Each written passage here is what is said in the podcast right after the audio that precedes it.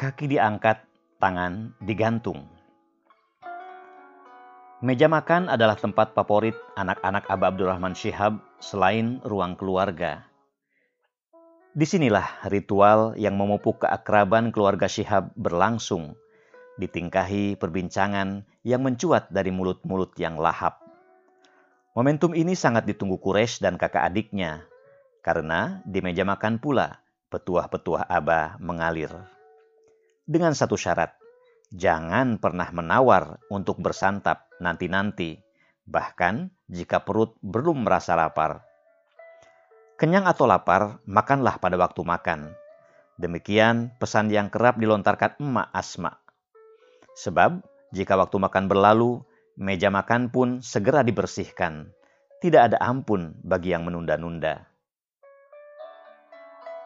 Menu masakan khas Makassar terutama sayur dan ikan selalu tersaji. Atau olahan daging ayam, setidaknya 2-3 kali seminggu. Masing-masing sudah memiliki porsinya. Quraisy biasanya kebagian empelak atau paha. Umar bagian dada, Nur selalu mendapat leher dan kepala. Adik-adik Quraisy kebagian sayap. Aba baru mengambil nasi dan lauk sesudah semua anaknya menerima jatah. Nasi dan sayur boleh nambah, tapi daging ayam atau lauk tidak.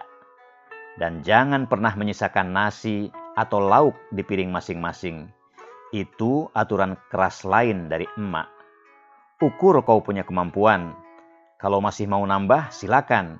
Tapi harus dihabiskan. Demikian Kures menirukan perintah emak. Aba Abdurrahman dan emak tak bosan-bosan menjelaskan nasi, dan makanan akan mendoakan kita ke surga jika dihabiskan. Tapi jika tersisa, akan menangis dan mendoakan kita ke neraka. Aba dengan muka sedih akan menghitung butir-butir nasi yang tersisa, lalu menyantapnya. Jika terpaksa tidak habis juga, emak mengumpulkan dan menjemurnya, lalu mengolahnya menjadi kerupuk. Dengan mulut yang menyisakan omelan tentu saja. Disiplin. Inilah inti yang diajarkan dengan keras oleh emak pada Kures dan kakak adiknya. Sejak usia enam tahun, setiap anak wajib mencuci pakaian dan menyetrika sendiri jika sudah duduk di kelas 3 SD. Mereka juga diberi tugas harian untuk membersihkan bagian-bagian rumah tiga lantai yang cukup besar. Di lantai satu, ada ruang tamu besar untuk laki-laki, ruang tamu perempuan, ruang makan, ruang keluarga dengan taman, kamar abah dan emak, dan kamar tamu. Di lantai dua ada tiga kamar tidur, ruang tamu, ruang tengah untuk mengaji dan belajar, dengan amben besar yang biasa diduduki abah saat menyampaikan petuah keagamaan. Lantai tiga dimanfaatkan untuk gudang. Quraisy biasanya kebagian tugas mengepel lantai setiap pagi dan sore. Gigi saya pernah tanggal karena terpeleset dan membentur ubin saat berjongkok membersihkan lantai, kata Quraisy. Suatu hari, Quraisy bolos sekolah tanpa alasan jelas.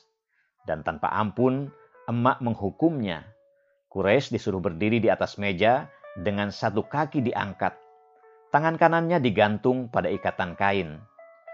Di hampir setiap rumah di Makassar saat itu, memang terdapat kain yang digantung di langit-langit untuk ayunan bayi. Emak sangat keras dan tegas, kata Kures mengingatkan peristiwa yang membuatnya jera. Meskipun emak hanya tamat sekolah rakyat, tapi seperti Aba, ia sangat memperhatikan pendidikan putra-putrinya. Ia siap mengorbankan apa saja, tapi jangan pernah bermalas-malas jika tidak ingin menerima omelannya Suaranya keras, lebih lagi jika kesal karena salah seorang anaknya melakukan kesalahan. Terdengar melengking malah. Tidak ada anak-anak Aba yang berani membantah, apalagi melawan perintah emak. Itulah cara emak mendidik. Amarahnya adalah kasih sayangnya. Jika saya marah kepada anak, saya tidak mengutuknya.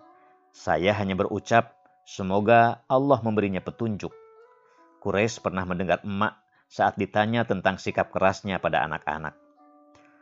Emak sangat kontras dengan Aba Abdurrahman yang berperangai lembut. Aba jarang menegur secara langsung kalau anak-anaknya melakukan kesalahan, apalagi menimpakan hukuman fisik. Pada kesempatan yang dianggap tepat, Aba akan memanggil sang anak dan menegurnya dengan lemah lembut. Aba juga piawai memompakan semangat dan membesarkan hati anak-anaknya saat menghadapi jalan buntu atau mengalami kegagalan. Suatu ketika, Nizar, adik Quraisy, merasa gagal melanjutkan studi di Fakultas Kedokteran. Aba mengajaknya jalan-jalan ke Pantai Losari. Di sana ia menyaksikan anak-anak gelandangan yang tengah bermain. Lalu, Aba membawa Nizar keliling pelosok dan kota Makassar sambil menghitung jumlah papan nama dokter yang terpampang di depan rumah atau tempat praktik mereka. Sedikit sekali jumlahnya. Mereka berhasil bukan karena bermain tanpa henti seperti anak-anak di pantai itu. Mereka berhasil karena berjuang, menyambung siang dengan malam demi belajar dan belajar. Kegagalan sekali atau dua kali tidak melemahkan tekad mereka, sehingga akhirnya mereka berhasil. Begitulah cara Abah menanamkan tekad kepada anak-anaknya dengan wajah yang optimistis dan menampakkan senyum. Di zaman ketika kekerasan fisik masih kerap terjadi dalam dunia pendidikan, Aba mendidik anak-anaknya dengan kelembutan. Pernah suatu hari, Aba meminta seorang camat memecat guru yang membiarkan kekerasan fisik di ruang kelas. Aba menganggap cara mengajar dengan memukul itu tidak benar. Ceritanya, Ali, kakak Kures, kerap berkelahi dengan adik emak yang kebetulan duduk di satu kelas. Sang guru bukannya melerai, malah meminta Ali dan pamannya saling tampar.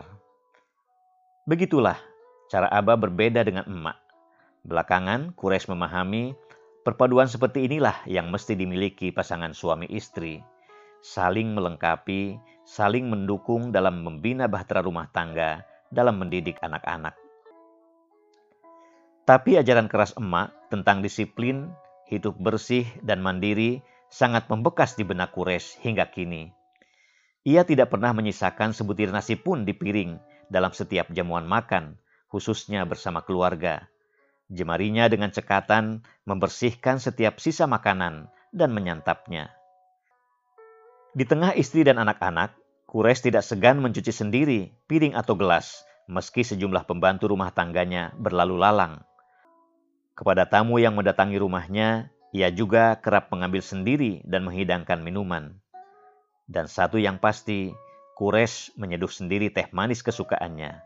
Itu ritual wajib saya, kata Kures.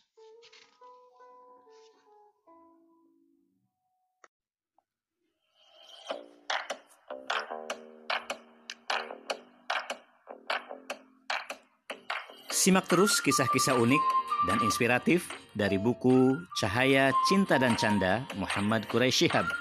Hanya di The Clouds